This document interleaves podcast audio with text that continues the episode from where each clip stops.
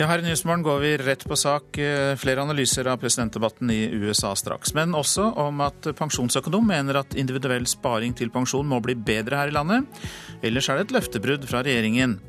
Nationaltheatret mener deres omdømme er skadet etter en video som gir inntrykk av at teatret beklager et israelsk samarbeidsprosjekt. Men først om nattens debatt. Velgerne i USA kunne jo da endelig gjøre seg opp en mening om hvilken av kandidatene som var best egnet til den krevende jobben i det ovale kontor. Debatten i natt var på halvannen time, og det var første gang på um, at de møttes ansikt til ansikt i direkte konfrontasjon. Og eh, økonomi var et av temaene. You are going to approve one of the biggest tax cuts in history. You are going to approve one of the biggest tax increases in history. You are going to drive business out. Your regulations are a disaster, and you're going to increase regulations all over the place. And by the way, my tax cut is the biggest since Ronald Reagan. I'm very proud of it. It will create tremendous numbers of new jobs. But regulations, you are going to regulate these businesses out of existence. When I go around, Lester, I tell you this, I've been all over. And when I go around, despite the tax cut, the, thing, the things that businesses and people like the most is the fact that I'm cutting regulation. You have regulations on top of regulations, and new companies cannot form, and old companies are going out of business, and you want to increase the regulations and make them even worse. I'm going to cut regulations, but I'm going to cut taxes big league, and you're going to raise taxes big league. End of story. Let me get you to pause right there because we're going to yes, move well, into the we're going to move into the next segment that, we're going to talk that taxes. Can't, that can't be left Please to stand. Take, take 30 you know, seconds. I, I kind of assumed that there would be a lot of these charges and claims. And so Facts. we have taken uh, the homepage of my website, hillaryclinton.com, and we've turned it into a fact checker. So if you want to see in real time uh, what the facts are, please go and take a look. Because and take a look at mine also, and you'll see. Add a penny to the debt and your plans would add $5 trillion to the debt. What I have proposed would cut regulations and streamline them for small businesses. What I have proposed would be paid for by raising taxes on the wealthy because they have made all the gains in the economy and I think it's time that the wealthy and corporations paid their fair share to support this. Well, country. you just opened the next segment. Well, look, could I just finish? Actually, I think I, I, I, think I should. I'm going to you give go you to her website right and you take a look at her website. She's going to raise taxes 1.3 trillion dollars. Mr. Trump, I'm and look at her website. You know what? It's no different than this. She's telling us how to fight ISIS. Just go to her website. She tells you how to fight ISIS on her website. I don't think General Douglas MacArthur would like that right, too the much. Next, the next. The next segment, we're continuing well, the subject at least of. I have a plan to fight ISIS. No, no, you're telling the enemy everything you want to do. No, we're not. See, you're no, telling the not. enemy everything we you want to do. No wonder you've been fighting. No wonder you've been fighting ISIS your Folks. entire adult life. Folks, well, that, that's me, a that's let, go to the please the fact checkers get folks, to work. You, ja, det var noen friske avbrytelser der, Joar Hoel Larsen. Ja, og CNN da, har jo prøvd å telle opp dette her. De hevder at han avbrøt Hillary Clinton 51 ganger. Eh, og det er jo faktisk allerede mange som har rukket å reagere på at det var å vise For det første Hillary Clinton mangler respekt. Det var å vise den første kvinnelige presidentkandidaten som har vært med i en slik debatt, mangler respekt. Og det var på en måte også å vise TV-seerne, velgerne, mangler respekt. De var ikke kommet der til TV-apparatene sine for å se på avbrytelser. De var kommet der for å bli klokere. slik at eh, Det er jo de som allerede mener at eh, dette fungerte dårlig for Donald Trump. Selv om dette kuttet vi hørte, var fra den delen av debatten hvor han gjorde det absolutt best. altså Om økonomi, om, om hvordan man skal få økonomien på beina igjen, hvordan man skal skape arbeidsplasser, hvordan man skal få middelklassen, eh, heve middelklassens levestandard osv. Der gjorde han det bra. Men eh, nok en gang, disse, disse avbrytelsene eh, var, ikke, var, ikke, bra. Joar Hoel Larsen, du har jo vært eh, korrespondent i USA. Du kjenner jo forholdene der. Eh, har vel vært med på noen valg også, kanskje. Men klarte Clinton å være folkelig nok? For hun har vel en tendens til å være litt for nedlatende og bedrevitende. Men Trump har vært for bombastisk? Altså, Klarte de på en måte å justere seg selv inn mot midten, på en måte, og bli litt mer sånn og å moderere seg selv? Ja, det syns jeg. Begge to lykkes i det. Hillary Clinton var ikke så si, tilkneppet som hun kan virke noen ganger. Og, og Donald Trump var eh, til tross for hvordan det kunne høres ut her. Han var energisk og entusiastisk, men, men han var ikke nedlatende. Han slengte ikke med leppa, han kom ikke med personkarakteristikker. Han, han fornærmet ikke Hillary Clinton. Han, eh, han var, eh, hadde løs jakke og snakket fritt og, og, og var Donald Trump. Men Eh, han hadde ikke disse crooked Hillary, og han påstod ikke at hun burde være fengslet og slike ting som han har sagt tidligere. Han sa, antydet heller ikke at hun ikke var egnet, selv om han jo for så vidt var inne på det. Men han var mye rundere i kanten når det gjaldt liksom beskrivelsen av sin motstander. Så akkurat på det punkt så syns jeg nok begge lyktes. Men Hillary har jo ofte vært fremstilt som den flinkeste jenta i klassen, mens uh, Donald Trump har vært, uh, har vært uh, liksom bølla i skolegården.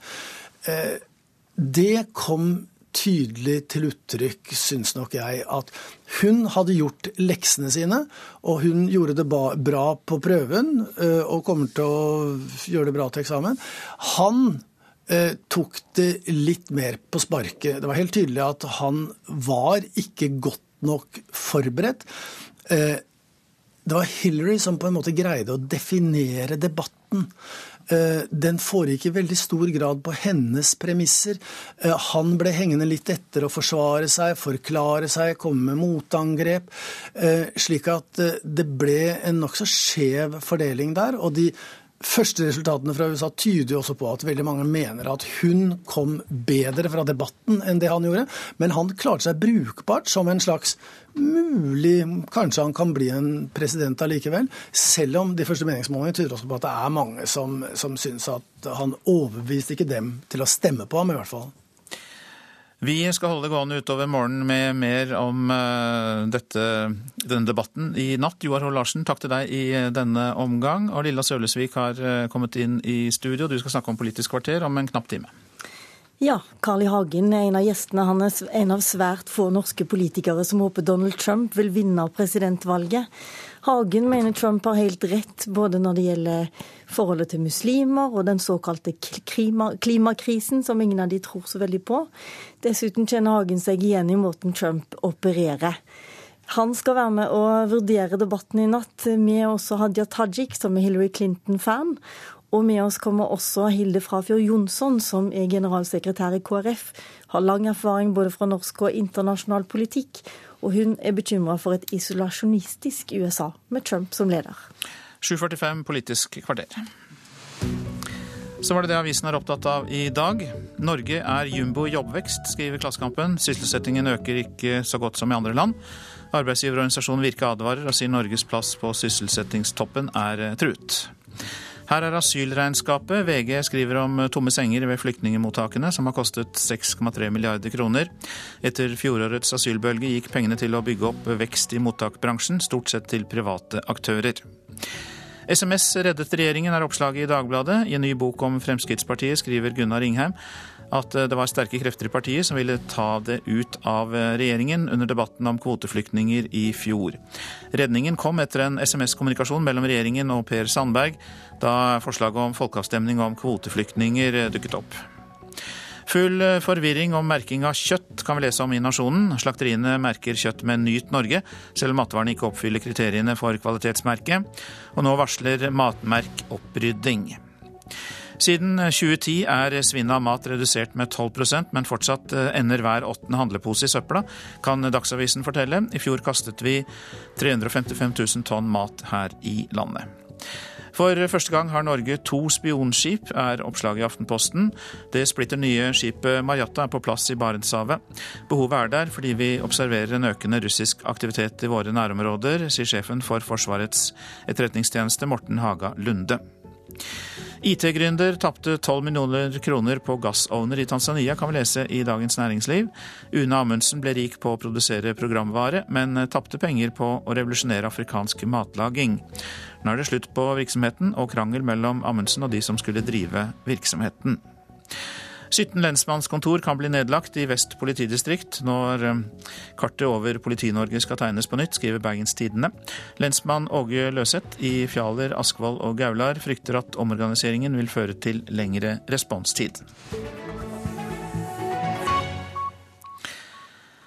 I eh, regjeringsplattformen fra 2013 ble det lovet at individuell pensjonssparing skulle styrkes, men det har ikke skjedd noe med den såkalte IPS-ordningen og færre sparer nå i pensjonsspareordninger hvor man får utsatt skatt.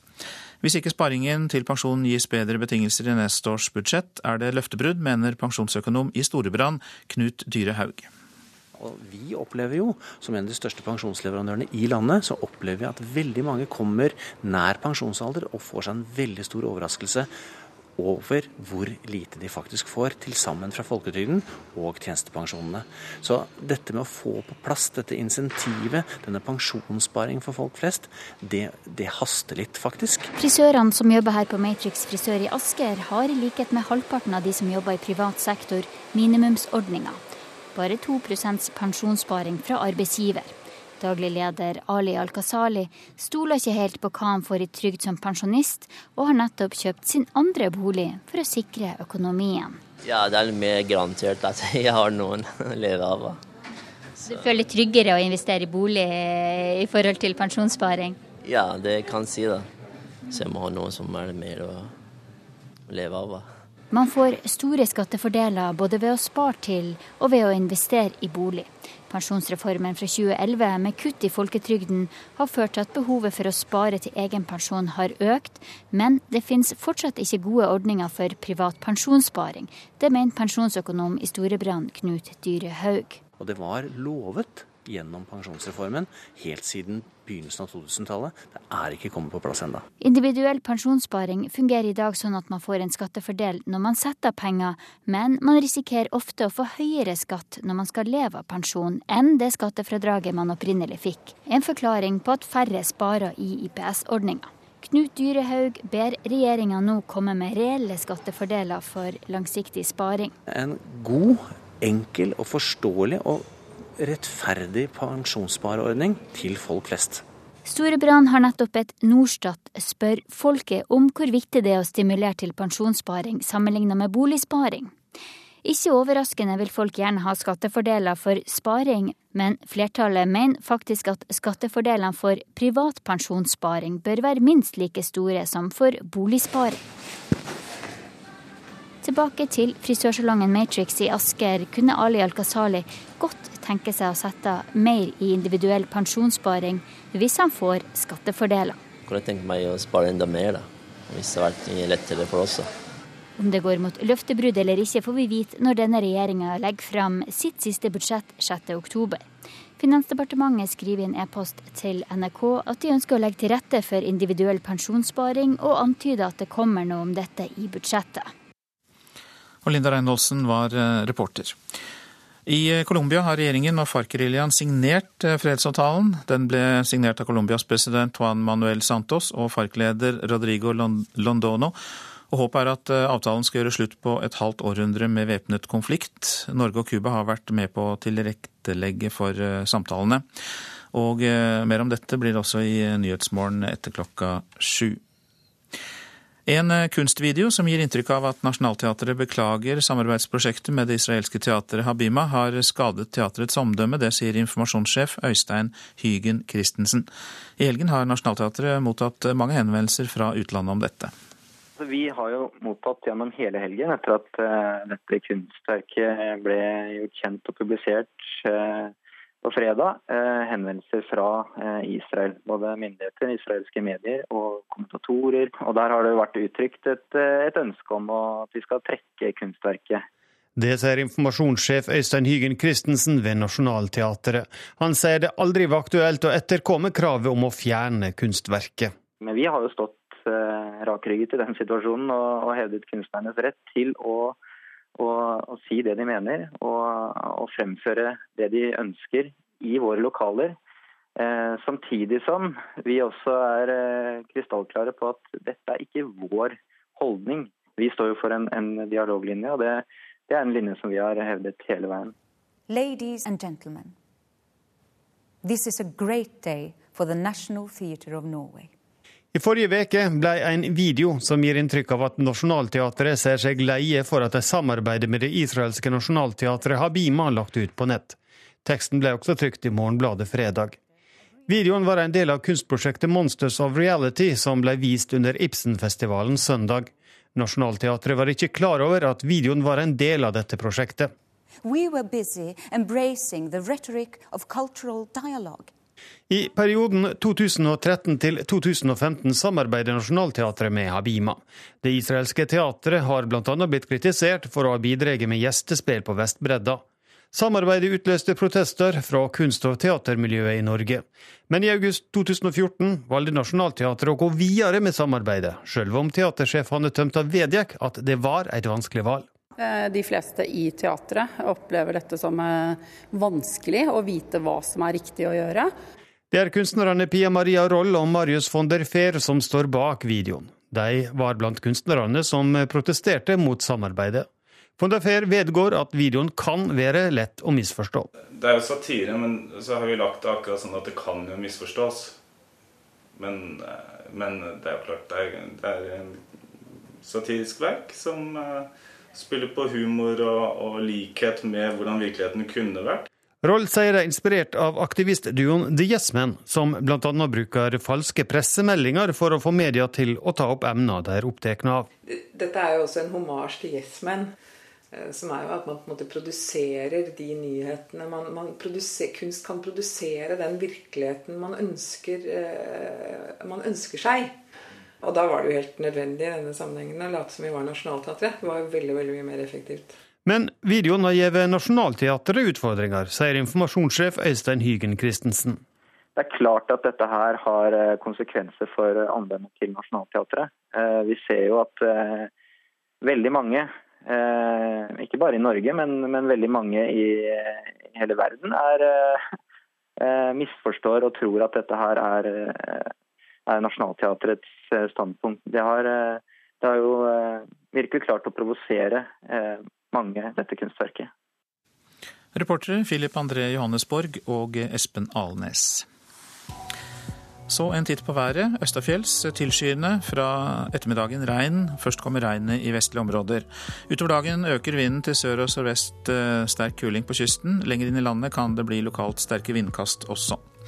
Vestlandet og fjellet i Sør-Norge sørlig sterk kuling utsatte steder og liten storm på kysten nord for Karmøy og i nordlige fjellstrøk. Og så blir det regn. På Vestlandet blir det mye nedbør og lokal torden.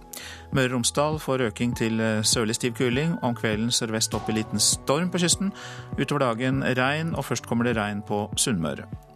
Så går vi til Trøndelag, der det blir sørøst liten kuling. Om kvelden økende til stiv kuling, men oppholdsvær og perioder med sol. Til kvelden blir det riktignok litt regn i Trøndelag. Nord-Norge skyet eller delvis skyet oppholdsvær.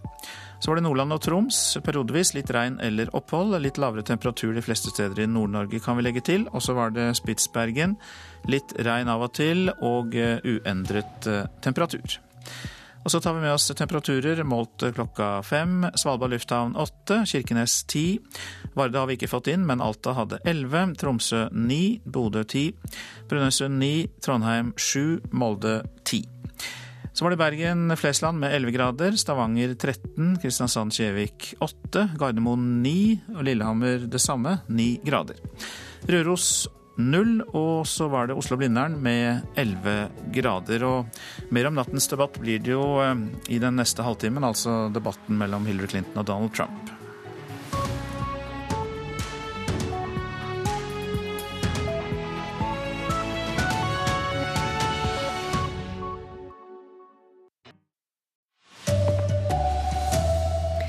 Hillary Clinton vant nattas presidentdebatt i USA, viser flere meningsmålinger. Men motkandidat Donald Trump utropte seg sjøl til vinner på presserommet etter ordskiftet. Her er NRK Dagsnytt klokka sju. Demokratenes eh, Hillary Clinton var på offensiven under nattas presidentdebatt mot eh, Donald Trump. Økonomi og skatt var et viktig tema, og Clinton skylder bl.a. Trump for å være en riking som skjuler at han ikke betaler skatt. Maybe he's not as rich as he says he is. Or maybe he doesn't want the American people, all of you watching tonight, To know that he's paid nothing in federal taxes. Trump svarte at han vil offentliggjøre sjølmeldinga når Clinton offentliggjør e-poster som ble sendt fra den private e-postserveren hennes. When she releases her 33,000 emails that have been deleted, as soon as she releases them, I will release, I will release my tax returns. Reporter Marte Halsør. Og flere norske USA-kjennere mener Hillary Clinton kom best ut av den første TV-duellen med Donald Trump. Clinton var mer aggressiv enn jeg hadde venta. Hun klarte å irritere Trump ved å stille spørsmål om forretningene hans, noe vi vet irriterer han, sier USA-kjenner Jan Arild Snoen. Clinton viste at hun var godt forberedt, sier Alf Thomas Tønnesen ved Høgskolen i Volda. I en meningsmåling CNN gjorde rett etter at TV-kameraet var skrudd av, svarte 62% at de mente Clinton vant debatten, mens 27% mente Trump kom best ut av det. Så skal vi i andre saker. Det er færre enn før som sparer i pensjonsfond der en får utsatt skatt. Individuell pensjonssparing er en ordning regjeringa i 2013 lova at det skulle styrke, men det har ennå ikke skjedd. Pensjonsøkonom i Storebrand, Knut Dyrehaug, kaller det et løftebrudd dersom det ikke blir bedre vilkår for slik sparing i det kommende budsjettet. Som en av de største pensjonsleverandørene i landet, så opplever vi at veldig mange kommer nær pensjonsalder og får seg en veldig stor overraskelse over hvor lite de faktisk får til sammen fra folketrygden og tjenestepensjonene. Dette med å få på plass dette insentivet, denne pensjonssparingen for folk flest, det, det haster litt, faktisk. Og det var lovet gjennom pensjonsreformen helt siden begynnelsen av 2000-tallet. Det er ikke kommet på plass ennå. Finansdepartementet skriver i en e-post at de ønsker å legge til rette for individuell pensjonssparing, og ymter om at det kommer noe om dette i budsjettet. Til slutt tar vi med at hver åttende handlepose med mat havner rett i båset hjemme hos folk. I snitt kaster hver av oss over 42 kilo spiselig mat i fjor. Det er ifølge tall fra matbransjen sitt prosjekt For mat. NRK Dagsnytt, Silje Sande.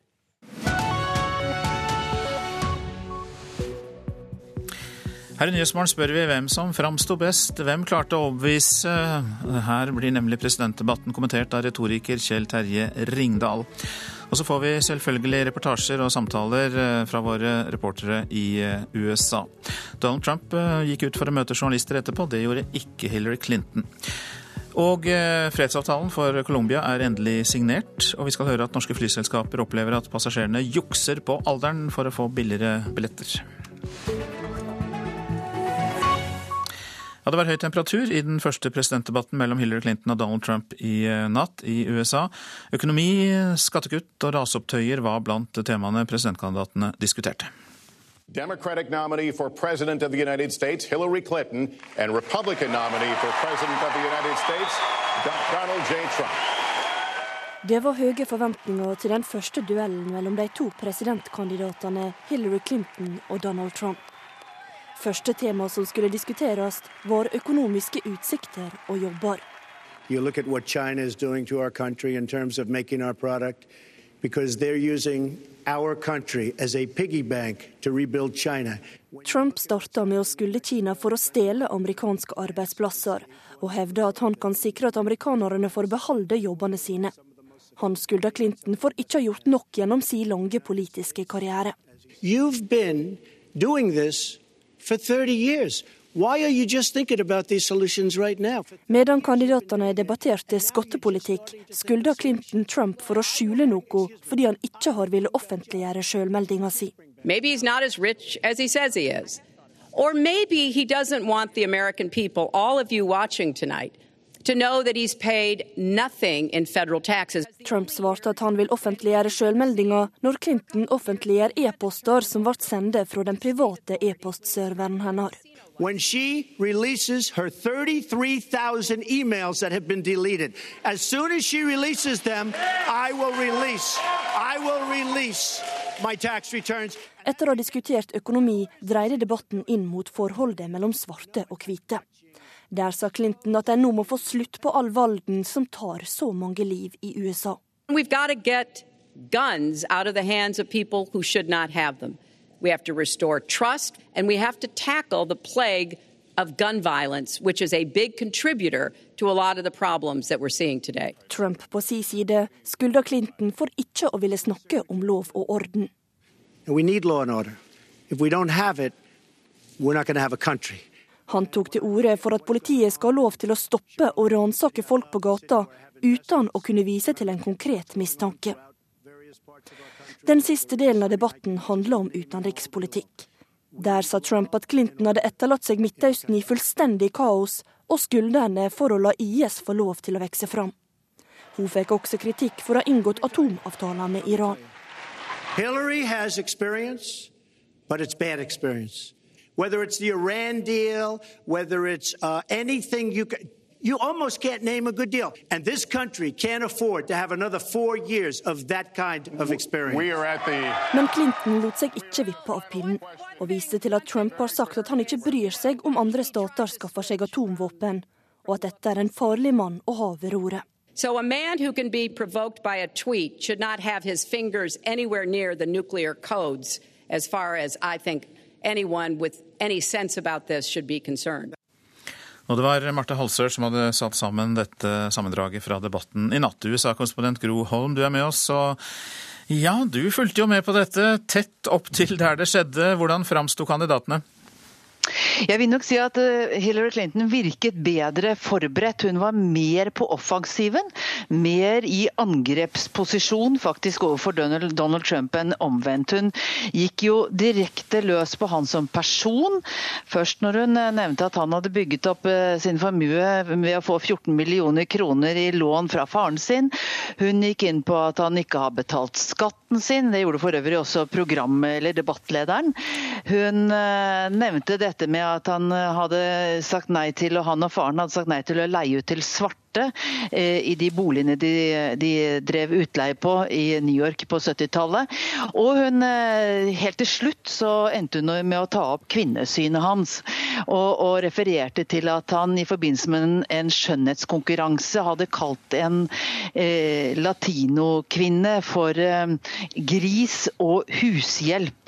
Eh, og det, det, Å bruke disse sitatene og disse personlige tingene mot Trump, det er noe som Trump misliker sterkt, og vi så at han var tydelig provosert. Angrep var det beste forsvar, virker det som, eh, ut ifra det du beskriver der, Gro Holm. Eh, for hvem var fallhøyden størst her? På mange måter så var det nok eh, for Hillary Clinton, fordi Trumps velgere har jo blitt vant til å høre ganske mye usakligheter fra hans side gjennom primærvalgkampen og også etterpå. Og, og, de ser ut til å ha godtatt hans litt mer bøllete stil. Eh, mens det var da viktig for Hillary Clinton å, å vise at hun er ja, statskvinne, og, og, at hun ikke lot seg vippe av pinnen. Og Det gjorde hun for så vidt heller ikke, men hun ble heller ikke utsatt for så sterke personangrep for Donald Trump som man kanskje kunne ha ventet at hun ville bli. Hun, eh, hun var vel kanskje ikke noe varmere heller enn det man eh, kunne forvente. Hun var eh, i veldig stor grad denne flinke, godt forberedte politikeren som, som har masse erfaring og, og, viste det i måten hun snakket på og, og i sakkunnskapen. Ja, Donald Trump kom ut for å snakke med journalister etter debatten og til NRK. Et eh, kobbel med andre som var der, så sa han at han var svært fornøyd. Hillary Clinton kom ikke ut for å snakke med journalistene, men det var jo da heller ikke ventet at hun eh, ville gjøre det. Jeg er svært fornøyd med hvordan dette gikk, sier Donald Trump. Presidentkandidaten beveger seg gjennom pressesenteret ved Hofstra-universitetet, omgitt av en horde med journalister med kameraer og mikrofoner. Det er ikke vanlig at presidentkandidater selv kommer ut og snakker med pressen etter debatter som den i natt. Men Donald Trump er ikke noen vanlig presidentkandidat. Når han blir spurt om det var lurt av ham å la være å betale føderal inntektsskatt, er svaret. Sure, because I hate the way that our country is wasting and spending our money. Ja, jeg hater måten myndighetene sløser bort pengene våre på. Kampanjesjefen til Trump, Kellyanne Conway, er godt fornøyd med kvelden når jeg snakker med henne like etterpå. Where, where, was Trump most successful tonight?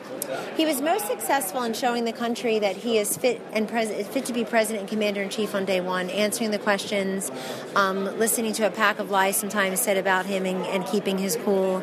I don't know that the rest of us would be able to do that. Han lyktes med å vise at han er kvalifisert til å bli president og øverstkommanderende, og forholde seg rolig midt i løgnene, sier Conway, og legger til at Trump også stilte viktige spørsmål til Clinton om de slettede e-postene hennes. Hillary Clinton dukket selv ikke opp for å snakke med pressen, men kampanjesjefen hennes, Robbie Mook, mener det var en farlig Donald Trump velgerne fikk se i natt. This is the Donald Trump who's a bully, who lacks the temperament uh, to make good judgments, and who is woefully unprepared to be our next commander in chief. Han er en bølle og grovt ukvalifisert til å bli vår neste president. Uh, uh, that's up for the voters to decide. We'll look and see. But I think the choice and the contrast became abundantly clear. Tror du debatten vil gi Clinton et løft på målingene, spør jeg. Det er opp til velgerne å bestemme, men kontrasten mellom de to ble svært klar i kveld, sier Robbie Mook. Tove Bjørgaas, Hempstead, New York. Og så velkommen til deg, Kjell Terje Ringdal. Tusen takk. Førstelektor i retorikk og samfunnspåvirkning ved Høgskolen Kristiania. Du har jo også fulgt eh, debatten i natt, som da foregikk på Hofstra University på Long Island i eh, New York. La oss ta fatt i retorikken, hvordan de framstilte uh, argumentasjonen sin. Det vi kan si er at uh, vi ser to politikere som har veldig forskjellig stil. Uh, Donald Trump er uh, mannen som ønsker å iscenesette seg selv som en forretningsmann.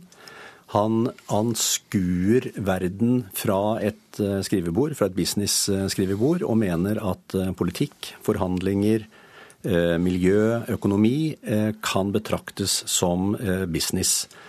Og hans beste argument i så måte er jo da at eh, i og med at jeg har lykkes som forretningsmann og har gjort eh, gode dealer og er på hugget, så vil jeg også kunne være en god president som også kan gjøre dealer med Iran, med Nato, med andre som bør betale for seg eller få sin straff. Mot eh, Trump så står da en klassisk politiker, proppfull av kunnskap, erfaring, forhandlingsvilje, så det er altså to verdener som, som tørner sammen, og hvor hans appell er det som kan sies å være suksess, altså den amerikanske suksessen. Jeg har tjent mye penger, derfor vil jeg også bli en god president. Og hvor hun sier jeg har masse erfaring, dere kan stole på meg. De kommer fra to forskjellige verdener, men du har jo også skrevet at Trump er en politisk fribryter, altså at han har opphevet alle politiske tyngdelover. Eh, hva legger du i det? I det legger jeg at eh, Trump er eh, en som appellerer til eh, mer mave og følelser enn en rene resonnementer.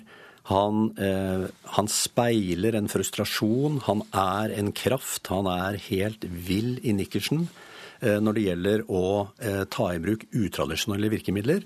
Noe som altså appellerer til et slags amerikansk grunnfjell som er dypt frustrert over sine ledere. Hvor vill var han i denne debatten, da? Det er noe av det verste jeg har sett, egentlig. Altså Nå eh, forsøker jeg, også, jeg forsøker å legge bånd på meg, for jeg tenker at eh, dette er jo eh, dette er en kultur som støter mot en annen kultur. Vi sitter i trygge Norge, fem millioner mennesker. Alt er trygt og regulert. Vi har politikere som er fornuftige, og som bruker sin forstand. Så når jeg da skal fortolke Donald Trump, så blir det altså det blir et filter som må passeres. Men det vi, det vi da kan si, er at sett med norske øyne, så er dette ganske vilt. Eh, det er eh, rude, som han ville sagt på, på amerikansk. Det er, en, det er, en, måte å snakke på, det er en måte å behandle eh, sin eh, motstander på, som er veldig spesiell. Han oppfører seg ikke pent. Han har et ganske dårlig språk. Eh, han har eh, egentlig ingen dype politiske ideer. Og han møter da en Clinton som sånn sett passer bedre i den norske konteksten hvor vi i mye større grad kan akseptere, forstå eh, hennes resonnementer på det politiske området. Men Gro Holm, eh, du er fortsatt eh, med oss. Den beskrivelsen fra Ringdal her av Donald Trump, den går jo likevel hjem og til de grader hjem i noen miljøer? Ja, det gjør den altså absolutt. Og jeg syns kanskje ikke kveldens debatt var den verste han har hatt, sånn temperamentsmessig. Han, eh, jeg syns han har uttalt seg uh, mye uh, mer bøllete andre ganger. Men, men, det er klart han Folk her, og ikke minst de han appellerer mest til, altså hvite menn uten collegeutdannelse, de mener at han sier ting som det er, og de liker ham for det. De sier det de tenker, og han sier det de tenker og føler.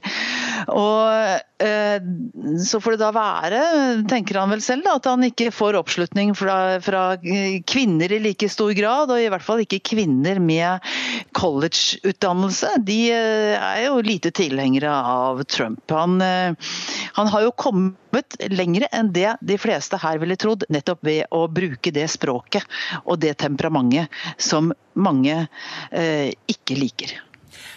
Men Gro Holm, altså provoserende har vi hørt. Ringdal sier det, du sier det. Grovt språk, det sier dere begge. Men, men øh, han har jo også tendens til å være underholdende og morsom, og salen brøt ut i latter et par ganger.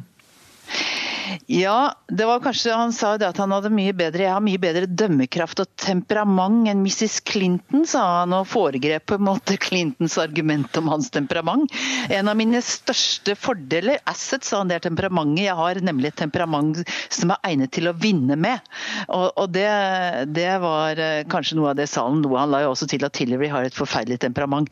Um, det var ikke selvironisk engang. Og, og, så han, eh, han fikk salen til å le litt, men kanskje i mindre grad enn det man hadde ventet. Han eh, satt forbausende mye og så ned, og glemte vel kanskje at eh, han var i bildet hele tiden. Og da er det dannet eh, og god tone at man ser på den andre motdebattanten, og det gjorde Hillary Clinton i mye større grad.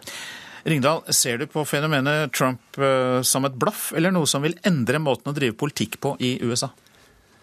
Det er i hvert fall et eh, tidsblaff. Fordi det vi ser er jo at eh, som sagt, eh, han appellerer da til en frustrasjon. Han speiler et amerikansk folk som ikke lenger stoler på sine politikere og ikke stoler på, på Washington. Og det da å være en, en, populist, det å være den som sier det som det er, speiler også veldig mye av den psykologien hos de millioner av mennesker som tenker at jeg er forlatt, ingen tenker på meg lenger. Og Sånn sett så er han jo et uttrykk for det vi ser over hele verden. Eh, I USA, i Europa, i England, i Sverige. Så ser vi politikere som, som oppfører seg og snakker annerledes enn de politikerne som vi har vent oss til. Ja, går det da mot den mer kultiverte debattens død over hele verden? Ja, det kan man si. Eh, for det er jo eh, Altså det beste man kan si om det, er at eh, måten å snakke politikk på, måten å være politiker på, bør jo være gjenstand for diskusjon. Altså er det slik at den distanserte, teoretiske, litt overbærende stilen skal få lov til å gjelde, eller skal vi tillate at det kommer inn andre språk, andre måter å snakke på? Takk skal du ha, Kjell Terje Ringdal, førstelektor i retorikk og samfunnspåvirkning ved Høgskolen Kristiania. Og så har du kommet inn i studio, Kristine Hirsti. Eh, det koker jo i sosiale medier etter denne debatten, og eh, du har eh, brukt måleren og funnet ut hvor mye det koker? Ja. Eh, altså Ifølge Twitter selv så har det aldri blitt tvitret mer under en debatt. Eh, så for hver Hillary som ble tvitret, så ble det tvitret eh, to Trump. Eh, hvordan ble debatten da mottatt? Nå skjønner vi at det kokte i sosiale medier, men hva skriver folk? Ja, det veldig mange er opptatt av, er at det var mange avbrytelser. Ifølge amerikanske medier så var det altså 68 avbrytelser i løpet av en 90 minutter lang debatt. Og eh, flere kritiserer da debattleder Lester Holt for å la dem fortsette med det her. Um, nå i det siste så får han faktisk også en del uh, sympati. Og flere skriver at han var den som gjorde den beste figuren i denne debatten, mens de to andre gikk løs på hverandre. Oh ja, så, så de, de, gir noen karakterer til han som ledet debatten også, ja? ja. Ja, men du, det var fint, eh, Kristine Hirsti. Da har vi eh, loddet stemningen der ute i eh, de sosiale medier. Og det kommer vel atskillig mer utover dagen, tenker jeg. Vi holder deg oppdatert. Klokka har passert 7.20, dette er hovedsaker. Det var høy temperatur og den første presidentdebatten mellom Hillary Clinton og Donald Trump i USA. Økonomi, skattekutt og raseopptøyer var blant temaene. Hvis ikke sparing til pensjon gis bedre betingelser i neste års budsjett, er det løftebrudd, mener pensjonsøkonom i Storebrand. Og eh, i Colombia har regjeringen og FARC-geriljaen signert en fredsavtale. Mer om det straks. Men først om at eh, norske flyselskaper opplever at passasjerene jukser på alderen for å få billigere billetter. NRK har snakket med SAS og Widerøe, som har hatt flere saker der voksne har bestilt ungdomsbillett for å spare penger. Nylig så SAS seg nødt til å skjerpe regelverket for å minske omfanget på jukset, sier informasjonssjef Knut Morten Johansen. Vi har jo gjort det sånn at eh, for at du skal kjøpe en ungdomsbillett, så må du være Eurobonus-medlem. Og Da har man registrert seg med en profil i systemet. Og Her eh, oppgir man da fødselsdato. Eh, vi er jo klar over at det går an å trikse med det, men det er jo da ikke lov. Eh, og Det hender jo fra tid til annen at vi tar noen i å jukse på nettopp det her, da. Reiser du med SAS, Widerøe eller Norwegian, kan du bestille ungdomsbillett. Det er en type billett som er billigere enn de andre, men du må være under 26 år. Personer NRK har snakka med, innrømmer at de har bestilt ungdomsbillett via SAS eller Widerøe, sjøl om de var fylt 26 år, uten å tenke noe særlig på konsekvenser. De forteller at de ville spare penger, eller mente at de ikke ville bli oppdaga. De ønsker ikke å stille opp med navn i denne saken. Knut Morten Johansen i SAS sier de er kjent med problematikken. Noe antall her har jeg ikke, men det er jo noen som har gjort det i en så stor skala at vi har vært nødt til å gå til politianmeldelse. Og Det er jo ikke lenge siden at det var et eh, idrettslag som eh, fant ut at dette var en god måte å spare penger på. og hvor både ungdom og, og godt voksne ledere gikk reiste på ungdomsbilletter gjennom en hel sesong. Og det er klart Da blir det mye penger, og det er nok mange som kanskje ikke har vært klar over at slike ting oppdages. Informasjonssjefen forteller at selv om du kan trikse og fikse på alder eller navn når du bestiller ungdomsbillett, så er sannsynligheten stor for at det blir oppdaga. Det kan bli utført kontroll ved gaten, om bord på flyet, eller SAS kan oppdage juks gjennom eurobonuskontoen du er pålogga i når du bestiller. Fanger opp alle reisene dine, så har du juksa én gang, så så kan man jo sjekke jukser du hver gang, og plutselig så kan en hel reiserekke faktisk eh, være utgjøre noen summer. da. Så hvis du klarte det én gang, så er saken glemt. Sånn er det jo ikke. SAS mener at omfanget av juks ble kraftig redusert etter at man måtte være innlogga for å bestille. Hos Widerøe trenger du ikke det, der bestiller du ungdomsbillett på vanlig måte som med andre typer billetter. Men informasjonssjef i selskapet Katarina Solli sier at de ser alvorlig på denne typen juks, og at det får konsekvenser hvis du blir tatt. Siden ikke vi har noen måte å koble opp den reisende mot type sånn eurobonus og lojalitetsprogrammer slik SAS gjør, så har vi jo ikke noe å sammenligne mot. Vi må jo på en måte ta utgangspunkt i at folk er ærlige. Men uh, saken er når du da blir stående på flyplassen og det blir utført kontroll, du blir jo tatt, og du får ikke komme på reisen videre.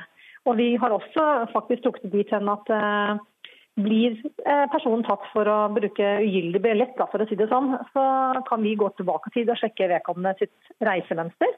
Og viser seg at det har skjedd gjentatte ganger, så vil vi vurdere å forfølge dette her juridisk. Katarina Sollios Widerøe sier at de siden i sommer har innført hyppigere kontroller på denne type billetter pga. tilfeller med juks, og at de hele tida ser på muligheter for å få bukt med problemet. Et alternativ er å innføre en type sånn eh, ungdomskort. på en måte. Så det er mange muligheter. Vi, vi ser på de faktisk. Dette er jo en form for svindel. Jeg tror nok de er ganske klar over det, de som velger å misbruke det, rett og slett. Selv om flyselskapene tar folk i å jukse, forteller både SAS og Widerøe at det foreløpig ikke er noen fare for at ungdomsbilletten blir å forsvinne.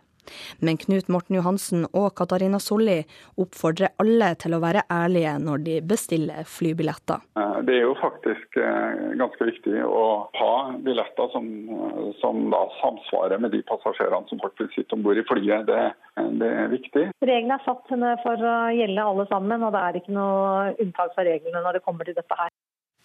Reporter Elise Holdal. Vi tar for oss eh, avisene. Norge er jumbo i jobbvekst, skriver Klassekampen. Sysselsettingen øker i så godt som alle andre land, men eh, arbeidsgiverorganisasjonen Virke advarer nå og sier at Norges plass som sysselsettingstopp er truet. Her er asylregnskapet. VG skriver om tomme senger ved flyktningemottakene, som kostet 6,3 milliarder kroner. Etter fjorårets asylbølge gikk penger til å bygge opp veksten i mottaksbransjen, stort sett til private aktører.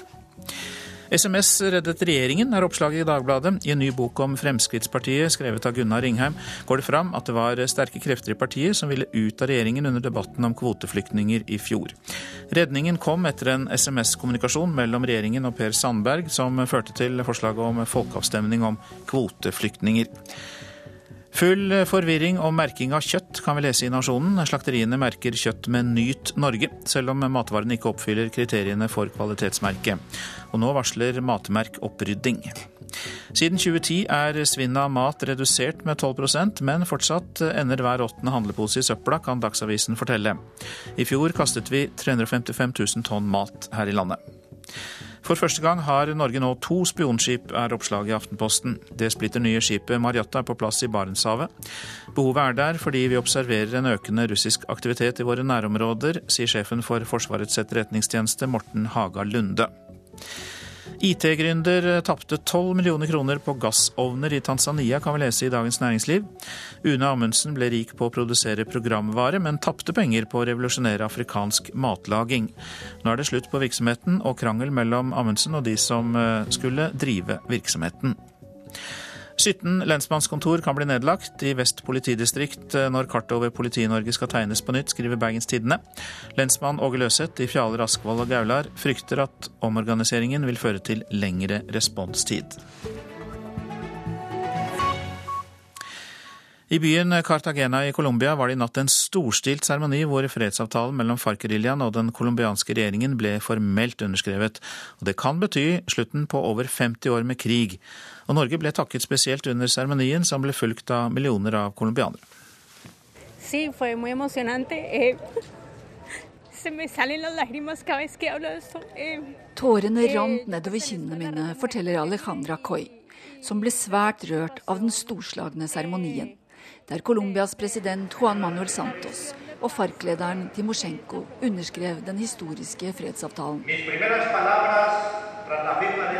FARC-lederen ba om unnskyldning til alle ofrene for krigen, til stor applaus. Over 260 000 er drept, og minst 6 millioner er flyktninger i eget land. Også president Juan Manuel Santos henvendte seg til alle som har lidd pga. den over 50 år lange krigen. Han var svært rørt og sa at dette er et nytt stadium i Colombias historie, hvor pengene som har gått til krigføring, nå skal gå til utvikling. Han takket også det internasjonale samfunnet og Norge, som har vært tilrettelegger for prosessen. Utenriksminister Børge Brende var blant de spesielt inviterte, som satt på den hvite scenen sammen med de mest sentrale personene i fredsprosessen. Helt utrolig. Det var rørende. Det var sterkt. Eh, det var fantastisk. Tenke på 52 år væpna konflikt forhåpentligvis nå er over. Og reporter var Inger Marit Kostebråten, som altså var i Cartagena i eh, Colombia. Prosent for Nyhetsmorgen, Ingvild Ryssdal, og her i studio, Øystein eh, Heggen. I reportasjen etter Dagsnytt kan du høre at også svarte fotballspillere har engasjert seg i presidentvalgkampen. Og i Politisk kvarter kvart på åtte møtes Carl I. Hagen og Hadia Tajik, for de skal komme med sine reaksjoner på den amerikanske valgkampen, og da spesielt nattens debatt i USA.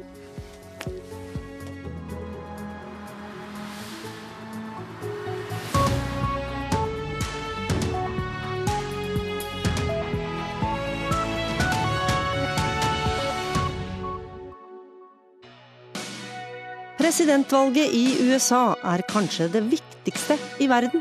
Likevel er det bare seks av ti som stemmer. Og USA har flest nobelprisvinnere. Likevel syns mange det er greit å kalle amerikanerne dumme.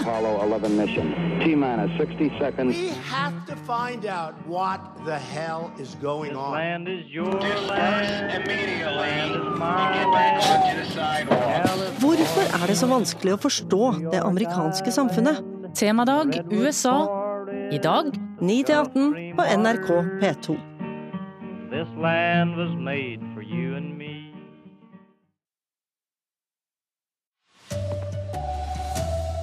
Hun er ikke uttalende nok til å være president, sier Trump om Clinton. En mann som blir provosert av en tweet, bør ikke styre atomvåpen, er svaret han får. Og her hjemme venter mange på at regjeringa skal styrke individuell pensjonssparing. I mellomtida finner folk andre måter å spare på. Riktig god morgen, her er NRK Dagsnytt. Klokka er 7.30. Hillary Clinton var klart best i den første presidentdebatten med Donald Trump i USA. Det syntes ei CNN-måling som ble tatt opp like etter ordskiftet. Kandidatene fikk bryne seg på tema som økonomi, skattekutt og tryggingspolitikk. Democratic nominee for President of the United States, Hillary Clinton, and Republican nominee for President of the United States, Donald J. Trump. Det var høye forventninger til den første duellen mellom de to presidentkandidatene.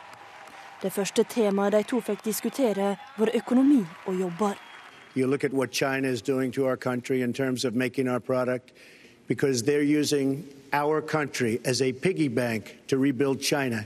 Trump starta med å skylde Kina for å stjele amerikanske arbeidsplasser, og skylda Clinton for ikke å ha gjort nok for å stoppe dette gjennom sin lange politiske karriere.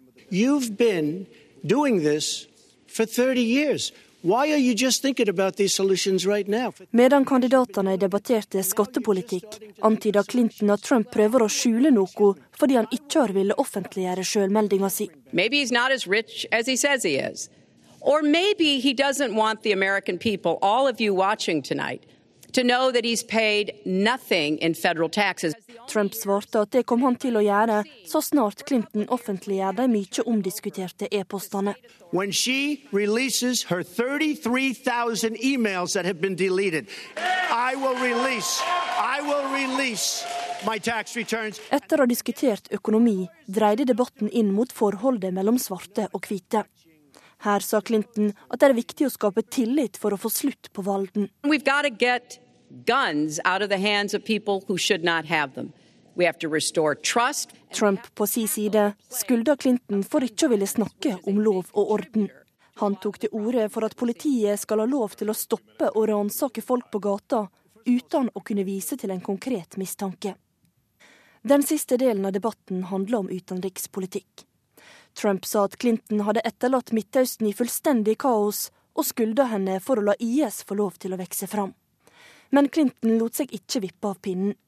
Hun viste til at Trump tidligere har sagt at han ikke bryr seg om andre stater skaffer seg atomvåpen. Hun pekte på at dette er en farlig mann å ha ved roret. So a man who can be provoked by a tweet should not have his fingers anywhere near the nuclear codes as far as I think anyone with any sense about this should be concerned. Reporter Marte Halsø. Og Donald Trump kom ut for å snakke med journalistene like etter debatten. Der sa han at han var svært nøyd. Hillary Clinton dukka ikke opp på presserommet. Det var det heller ikke venta at hun kom til å gjøre. Jeg er svært fornøyd med hvordan dette gikk, sier Donald Trump. Presidentkandidaten beveger seg gjennom pressesenteret ved Hofstra-universitetet, omgitt av en horde med journalister med kameraer og mikrofoner. Det er ikke vanlig at presidentkandidater selv kommer ut og snakker med pressen etter debatter som den i natt. Men Donald Trump er ikke noen vanlig presidentkandidat. Når han blir spurt om det var lurt av ham å la være å betale føderal inntektsskatt, er svaret Sure, because I hate the way that our country is wasting and spending our money. Ja, jeg hater måten myndighetene sløser bort pengene våre på. Kampanjesjefen til Trump, Kellyanne Conway, er godt fornøyd med kvelden når jeg snakker med henne like etterpå. Where, where was Trump most successful tonight?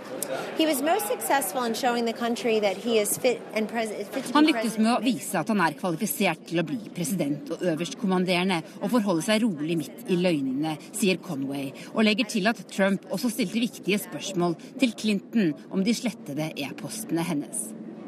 Hillary Clinton dukket selv ikke opp for å snakke med pressen, men kampanjesjefen hennes, Robbie Mook, mener det var en farlig Donald Trump velgerne fikk se i natt. Donald Trump bully, who lacks the temperament uh, to make good judgments, and who is woefully unprepared to be our next commander in chief. Han er en bølle og grovt ukvalifisert til å bli vår neste president. Tror du debatten vil gi Clinton et løft på målingene, spør jeg. Det er opp til velgerne å bestemme, men kontrasten mellom de to ble svært klar i kveld, sier Robbie Mook. Tove Bjørgaas, Hempstead, New York. Og vi skal rett videre til deg, korrespondent Groholm. En måling fra CNN viser altså at de fleste mener Clinton kom best ut av dette. Hva er forklaringa på det? Groholm, har? Jeg tror nok det er at hun, hun, var den roligste. Hun var den som Ja, jeg hører dere. Kan du høre meg? Ja, kom igjen, Gro. Hallo. Ja. Eh, ja. jeg tror nok forklaringen er at hun var den mest rolige, eh, rolige i debatten. Hun var også veldig på hugget overfor Donald Trump og kritiserte han på en rekke punkter fra dette at han ikke har betalt skatt. Hun var på hugget når det gjaldt eh, rasespørsmålet. Hun eh, kritiserte han også for å indirekte for å ha arvet velstanden og ikke vite hva folk, vanlige folk, eh, hvor vanskelig de har det. Eh, og, og, hun helt til slutt så gikk hun løs på hans uttalelser om kvinner og refererte noe han skal ha sagt om en eh, latinokvinne som Eh, deltok i en skjønnhetskonkurranse, og han skal ha kalt henne gris og hushjelp. Og dette er jo et vanskelig punkt for Trump. Så hun var på hugget, og samtidig god på de store sakene. Hvor viktig er denne første tv-sendedebatten for eh, de to?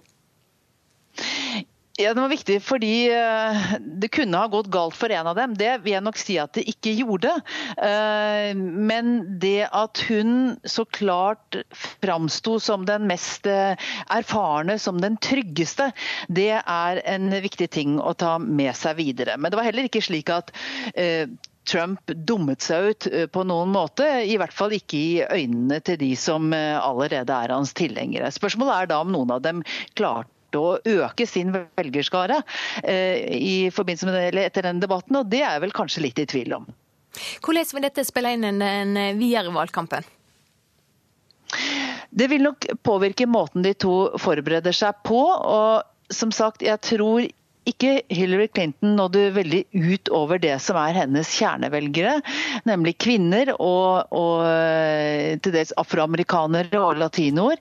Eh, og jeg tror heller ikke Trump eh, vil nå så veldig mange flere kvinner med dagens opptreden. Så de må vel tenke seg om begge to. Hvordan skal de få nye velgere, og ikke minst de som da ikke har bestemt seg ennå. Det er en god del. Takk skal du ha, Gro Holm. Vi skal ha andre saker saken nå. I regjeringsplattforma fra 2013 ble det lovet at individuell pensjonssparing, IPS-ordninga, skulle styrkes. Årets budsjett er det siste den borgerlige regjeringa har til å innfri løftet. Det er færre som sparer i pensjonsspareordningene der en får utsatt skatt. Frisør Ali Al-Kasali er sparer i eiendom. Ja, det er mer garantert at jeg har noen å leve av. Frisørene som jobber her på Matrix frisør i Asker, har i likhet med halvparten av de som jobber i privat sektor, minimumsordninga. Bare 2 pensjonssparing fra arbeidsgiver. Daglig leder Ali Al-Kasali stoler ikke helt på hva han får i trygd som pensjonist, og har nettopp kjøpt sin andre bolig for å sikre økonomien. Pensjonsreformen fra 2011 med kutt i folketrygden har ført til at behovet for å spare til egen pensjon har økt, men det finnes fortsatt ikke gode ordninger for privat pensjonssparing. Det mener pensjonsøkonom i Storebrand Knut Dyre Haug. Veldig mange kommer nær pensjonsalder og får seg en veldig stor overraskelse over hvor lite de faktisk får til sammen fra folketrygden og tjenestepensjonene. Så dette med å få på plass dette insentivet, denne pensjonssparing for folk flest, det, det haster litt, faktisk. Og det var lovet gjennom pensjonsreformen helt siden begynnelsen av 2000-tallet. Det er ikke kommet på plass ennå. Om det går mot løftebrudd eller ikke, får vi vite når denne regjeringa legger fram sitt siste budsjett 6.10. Finansdepartementet skriver i en e-post til NRK at de ønsker å legge til rette for individuell pensjonssparing, og antyder at det kommer noe om dette i budsjettet. Det sa reporter Linda Reinholdsen. To av Kristelig Folkeparti sine ti stortingspolitikere åpner for å samarbeide med Arbeiderpartiet. Til Klassekampen sier politikerne Anders Tyvand og Geir Bekkevold at de ikke kvir seg for å gå korkje til høyre eller venstre, men at de helst vil holde seg unna fløypartiene. Avgjørelsen om hvem Kristelig Folkeparti vil samarbeide med, kommer ikke før landsmøtet til våren. Ansvarlig for NRK Dagsnytt denne morgenen er Erlend Rønneberg. Her i studio Silje Sande.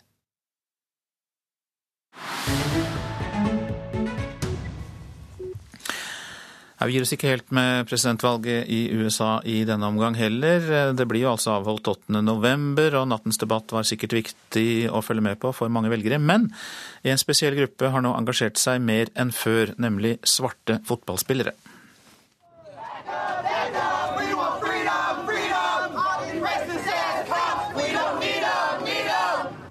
I Charlotte i Nord-Carolina har det vært demonstrasjoner og opptøyer en ukes tid nå, etter at en svart mann ble skutt av en hvit politioffiser. På samme måte som i Tulsa, Oklahoma og i Columbus, Ohio i forrige uke. Hvite politifolk skyter ikke bare svarte unge menn, men ubevæpnede svarte unge menn. Black lives matter! Black lives matter!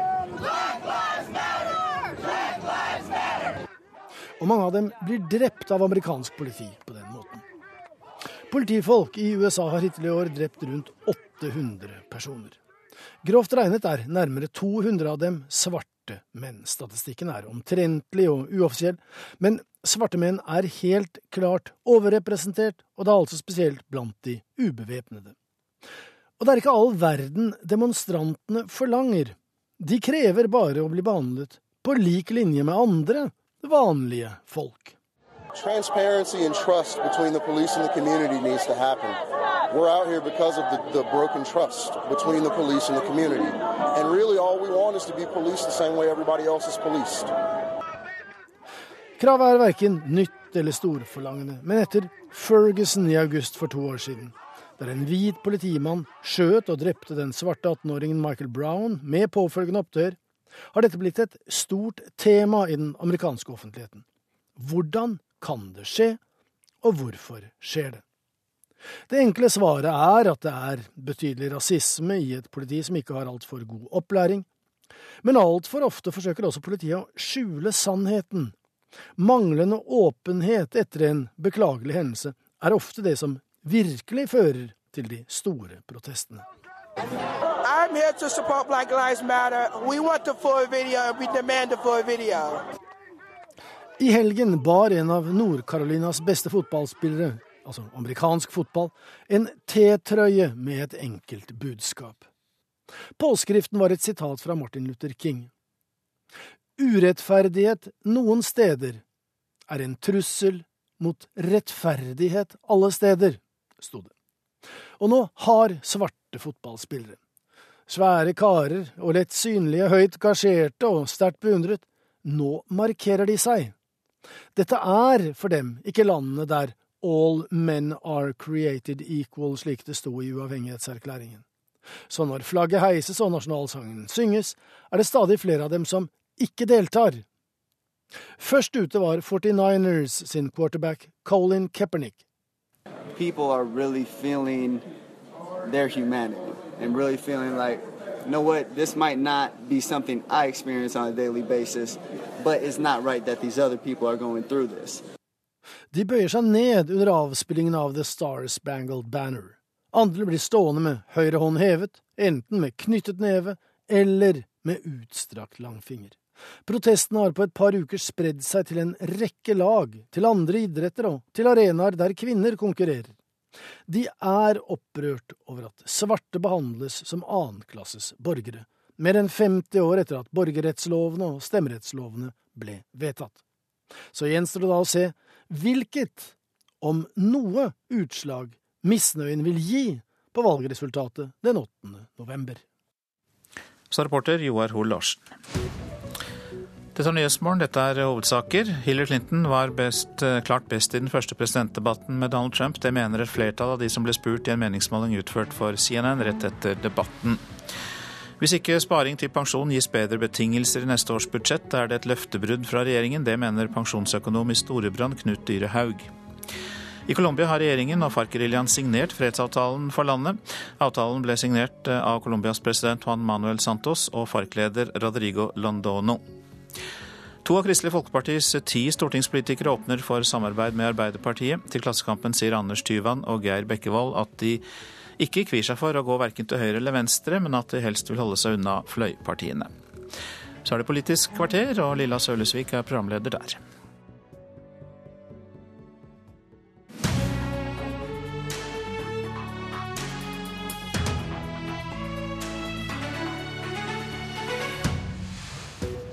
Hillary Clinton var best, det er den samla konklusjonen etter nattens presidentdebatt. Men Donald Trump bør bli president. Det mener Carl I. Hagen, som syns Trump ligner en del på ham sjøl. Flink pike møter klassisk klovn, som beskrev ekspertene, de to som møttes i debatt i dag. Eller i natt, var det vel egentlig, for å være helt ærlig. Det er noen av oss som har vært lenge oppe her. Men de samme karakteristikkene er brukt om to av deltakerne i Politisk kvarter denne morgenen. Velkommen, Hadia Tajik og Carl I. Hagen. Takk. Hallo, hallo. Carl I. Hagen, du sier du kjenner deg igjen i Donald Trump. På hvilken måte er dere like? For det første at han har vært utskjelt i begynnelsen av sin karriere. Det var jeg også ganske kraftig i veldig mange år. Alt jeg sa ble vridd og vrengt på tatt ut av sin sammenheng. Eh, det andre er at han kommer utenifra, og han snakker om politikerne og byråkratene i Washington. Jeg snakket også om politikerne og byråkratene som den nye herskerklasse i veldig mange år. selv etter at jeg selv hadde vært politiker i 15-20 år, så gikk det helt fint. Og distanserte meg. Og så kom jeg utenifra, var ikke inne i det etablerte, og kampen mot eh, eliten har vi hatt felles. Eh, men det er også forskjeller. Altså jeg må jo si at Når jeg har valgt å si at jeg har mest sans for eh, Donald Trump, så er det jo fordi jeg velger det mest spennende av to onder. Jeg skulle ønske det var andre kandidater, men det er disse to som er der. Og det blir spennende med, med Donald Trump. Hillary Clinton blir alt som før, og hun har vært med på mye av det som viser seg i ettertid og ikke var særlig klokt når det gjelder i Midtøsten og andre steder. Så vi har landet på at Trump vil være spennende. Kanskje ta med seg mange folk fra næringslivet inn i administrasjonen. Det er jo 1000 mennesker som kommer inn i administrasjonen der borte. Eh, så ja. ja. Under tvil har jeg landet på Trump. Eh, Hadia Tajik, du har landa på Hillary Clinton. Er det fordi hun er den beste kandidaten, eller er det fordi at eh, det er hun som nå er motkandidaten til Donald Trump? Altså, først så må jeg understreke at Det er jo amerikanerne sjøl som velger sin president. Eh, men det er klart at hva som skjer i USA, og hvem man til slutt velger, det har jo òg betydning for Norge, fordi USA er en viktig alliert for oss. Og Noe av det som appellerer meg eh, når det gjelder Hillary Clinton, det er at eh, hun er demokrat. altså Hun kommer fra en progressiv bevegelse. og Det opplever jo vi i Arbeiderpartiet et visst slektskap med. Eh, det er en kvinne som er svært kompetent, og som har vist det, ved flere veiskiller. Det appellerer òg til meg. Så fører hun òg en politikk som altså en politikk som, som, kan skape forandring. Allerede da hun var First Lady, så var hun pådriver for eh, helsereform.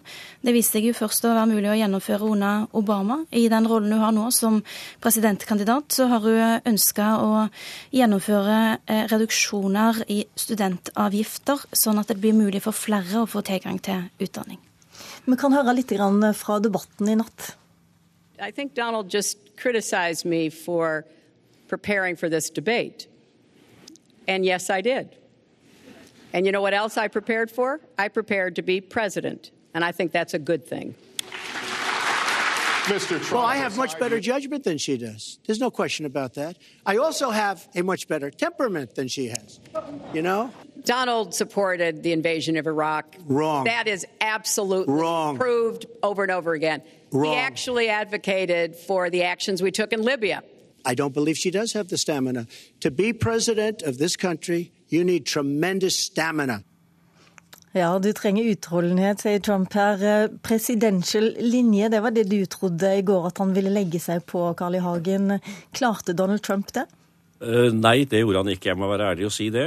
Han, uh, til å begynne med var han offensiv og greide seg veldig bra. På slutten så så var han tydeligvis i, i, problemer. Og det er klart, når Hillary Clinton kom med de mest sterkeste personangrepene basert på tidligere ting, og han sa det er ikke riktig, det er ikke riktig, det er ikke riktig, da ble det veldig vanskelig å vite hvem som har rett, særlig når det gjaldt da Midtøsten-situasjonen, som akkurat, selvsagt er problematisk. Men akkurat den, Carl I. Hagen, det var en ting jeg hadde lyst til å spørre deg om. Det var jo ikke en karakteristikk. Det handler om hvorvidt han var for eller mot Irak-krigen.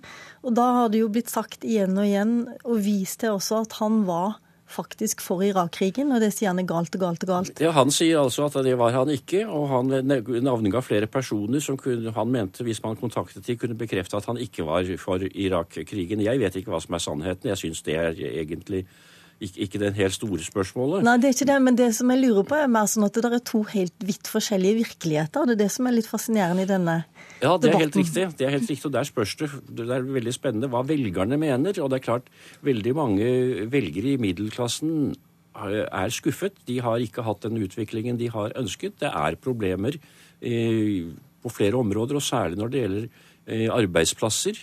Så har det vært problemer, selv om det har gått noe bedre i USA nå i den senere tid. Og det er klart, Han er den eneste som påpeker virkningene av en del handelsavtaler. Virkningene av skatter og avgifter og regelverk og byråkrati, som han mener, og det tror jeg i en viss grad er også riktig, flytter ut av USA. og Flytter f.eks. da både til Mexico og til, eh, til eh, skal vi si, Kina og andre steder hvor det er eh, bedre forhold, og hvor man ønsker å ta imot næringslivet. Så der hadde han noen gode poenger. Der syns jeg Hillary Clinton ikke var noe særlig god. Og der blir det bedre med Hillary Clinton, business as usual. Og den trenden om at man flytter arbeidsplasser ut av USA, den er selvsagt meget alvorlig. La oss høre litt på Hadia Tajik også. Hva syns du om hvordan Hillary Clinton klarte, klarte seg i dag? Klarte hun å komme hjem til velgerne, tror du?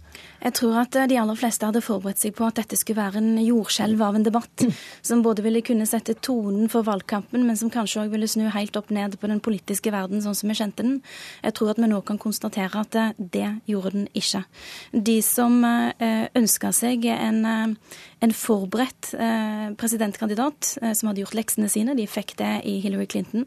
De som ønska seg en som var spissformulert og, og hadde hva skal jeg si, sin, sin, mer spontane form, fikk jo det i Donald Trump. Jeg vil jo si det på denne måten at selv om Hillary Clinton nok vant denne debatten, så er det ikke sånn at Donald Trump nødvendigvis tapte den. Jeg har lyst til å dra inn også deg, Hilde Frafjord Jonsson. Du har lang erfaring som politiker både i Norge og i utlandet. Og du er akkurat nå generalsekretær i KrF. Hva tenker du, ble du mer bekymra for verdenssituasjonen etter natta i dag? Nattens debatt? Nei, jeg tror ikke jeg ble bekymret for verdenssituasjonen hvis Hillary Clinton hadde gjort en grandios tabbe og, Trump hadde fremstått litt mer presidentaktig. Så det er klart at vi hadde vært i en situasjon hvor vi kanskje så eh, en litt mer eh, sannsynlighet knyttet til en, en, valgseier for Trump. Og dette, som jeg har lyst til å understreke, er jo at eh, vi fra norsk side og alle vi andre må leve med den presidenten som blir valgt, og vi må respektere det valget.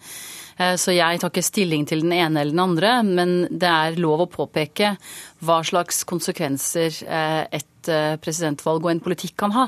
Både for Norge og verden. En av de tingene som gjør at du er begeistra for han, skjønner Carl I. Hagen, det er jo hans motstand mot Altså i klimadebatten. Han, han er blant disse klimaskeptikerne som sier at Parisavtalen den er ikke mye verdt hvis han blir president. Ja, det er helt riktig. I likhet med meg så hevder han at ja, det kan være klimaendringer, men det har ingenting med CO2 å gjøre. CO2 er ikke en forurensning i det hele tatt. Det er en, en helt naturlig ting som gjør at plantene vokser bedre. Og man kan pumpe CO2 inn i drivhus, og de vokser bedre. Så er, der er, er, vi helt på linje. Han så klimaendringer er ikke menneskeskapt? Nei, de er ikke menneskeskapt. I tillegg så har han også advart mot uh, islamismen, altså de ekstreme muslimer, som uh, skaper store utfordringer og problemer uh, på internasjonalt, særlig kampen da mot IS. Men det er klart, dette er jo også en enorm utfordring i hele Europa som alle land nå har vanskeligheter med, for å si det slik, som jeg påpekte og advarte mot for en 20 år siden. Når det gjelder klimaendringene, så er det klart at her taler både Carl I. Hagen og Donald Trump mot bedre vitende. Her har forskningsresultatene vist i veldig mange år, og det er en helt nest, så nær unison som mulig. Det er helt feil. Det er helt feil. Og det er ingen tvil om at hvis vi er i en situasjon nå hvor Donald Trump kommer til eh, å bli valgt, og vi ikke har nok ratifikasjoner eh, før jul, så risikerer vi at Parisavtalen eh, er i spill. Er det én ting som er veldig viktig, så er det at man får nok ratifikasjoner slik at dette er klart. Og det andre som er veldig, som jeg er opptatt av i denne sammenhengen, det er jo den isolasjonismen som han kan stå for. Det er en uforutsigbar presidentkandidat vi her har med å gjøre, som har skiftet standpunkt nesten like ofte som han har skiftet skjorte. Det er klart at dette er ting som Norge som et Nato-land eh, må ta med seg. Eh, vi er nødt til å forholde oss til den presidenten vi får, eh, men disse tingene er bekymringsfulle. Både for oss som alliert, men også for kloden i forhold til dette som har med klimaendringene å gjøre. Hagen, du er ganske alene om disse her standpunktene. Selv i Fremskrittspartiet så har han bare funnet to som støtter Trump, og som støtter det du sier nå. ja, det er riktig etter det som er kommet frem. Jeg pleier å gå mot strømmen. Jeg er den, som den lille gutten i Keiserens nye klær, den som sier at keiseren er, eh, er naken eller går rundt i underbuksen. Det har jeg gjort før, og det gjør jeg denne gangen også. Og når det gjelder klima, hvis man går inn på en side som heter nipcc.com, så finner man altså The Non-Governmental International Climate Panel, som har massevis av vitenskapelige, vitenskapelige med navn på alle disse forskerne som dere andre snakker om, men som andre ikke navngir, som tror... hevder det samme som meg, at ja, det er klima, det har alltid vært klimaendringer. Det har alltid vært klimaendringer. Det har vært varmere for tusenvis av år siden, og da var det ikke så mange som kjørte Men bil. Jeg tror ikke vi skal ta hele den debatten nå. Nei. Hadia Tajik, på hvilken måte uh, kommer denne presidentdebatten til å påvirke europeisk og norsk valgkamp? Altså- Uavhengig av hvem som vinner nå? Ja. Under forrige Arbeiderparti-regjering så hadde vi fire år med Bush og vi hadde fire år med Obama, eh, og begge deler gikk bra. Så vil jeg understreke at uavhengig av hvem som blir president i USA, så er det viktig tror jeg, for norske forhold å ivareta den gode relasjonen som vi har til de. Når jeg likevel er kritisk til, eh, til eh, Donald Trump, så er det fordi på flere områder så flytter han altså anerkjente, viktige standpunkter som har betydning òg for norske forhold. For det at han ikke ønsker å bekjempe klimautfordringene. Det er klart at eh, det er vanskelig nok å få andre land om bord til å kunne gjøre den type ting. Hvis USA melder seg ut av det, så vil det òg kunne ha konsekvenser for, eh, for hva Norge får til. Han er dypt kritisk til handelsavtaler. For Norge så er USA den største handelspartneren etter EU. I fjor, bare i fjor så hadde vi en handel med USA som tilsvarer over 30 milliarder kroner. Det er klart at Hvis de begynner å opptre mer proteksjonistiske, så vil det ha betydning òg for Norge, som er et lite land med en ganske åpen økonomi. Og For det tredje så ser vi òg hvordan Donald Trump eh, er, er kritisk til eh, Nato og USAs ansvar overfor sine allierte. Eh, helt siden Norge har vært med i Nato, så har de valgene USA velger å ta knytta til utenriks- og sikkerhetspolitikk, òg hatt betydning for vår egen sikkerhet. Jeg har lyst til å nevne at Donald Trump omfavnet også Nato i, i, nattens debatt. Men han i tillegg sier noe som er helt naturlig, at det har vært på tide at de europeiske medlemsland i Nato betaler en større del av regningen, og ikke forventer at USA skal betale størsteparten av kostnadene for å kunne sikre og forsvare de europeiske Nato-medlemmene, som har Russland som sin nabo. Og det er helt naturlig at Norge burde f.eks. raskest mulig komme opp på 2 til forsvaret av BNP, slik som Natos mål under Jens Stoltenberg er fastsatt. Det Nå, burde vi gjøre, og vi burde betale større del av regningen. og Han har helt rett i å kritisere oss. Nå må vi gi ordet til Frafjord Jonsson til slutt her.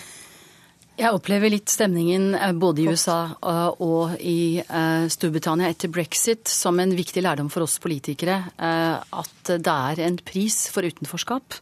Det at mennesker føler at de er så marginalisert, at de har en mye større sjanse for å få oppslutning. Kandidater som har en helt annen holdning til mange viktige verdier.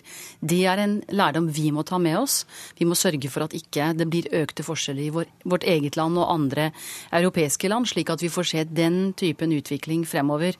Må... Det er det viktigste her, tror jeg. Jeg har lyst til å slutte av Politisk kvarter med å lese litt fra en bok som kom ut i dag. Dette er fra et politisk møte der kvinnene i salen ble oppfordra til å gå fram og spytte faktisk Anders Lange i ansiktet.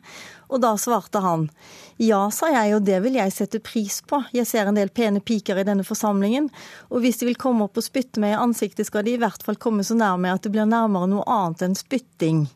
Og så fortsatte han. Jo mer jeg ser på dem, Gunhild Andersen, jo mer får jeg lyst til å bli homoseksuell. Det er jo nesten som man kunne hørt eh, Donald Trump bak her, men dette var altså Anders Lange, grunnleggeren av det som senere skulle bli Frp, i FrPs historie som kom i dag, Hagen. Ja, jeg syns det er en urimelig anklage mot Donald Trump, som ikke har sagt de tingene. Og Anders Lange, Anders Lange sa også veldig veldig mye rart. Han var en fargerik personlighet. Han la ikke fingrene imellom. Eh, og greide å starte et politisk parti som eh, nå er blitt et regjeringsparti. Så, men jeg er helt enig. Anders Lange sa mange ting som eh, vi alle sammen selvsagt tok avstand fra. Boka kommer senere i dag på en pressekonferanse klokken 11. Takk skal dere ha. I studio i dag satt Lilla Sølhusvik. NRK-sendinger utover dagen. Hør flere podkaster på nrk.no podkast.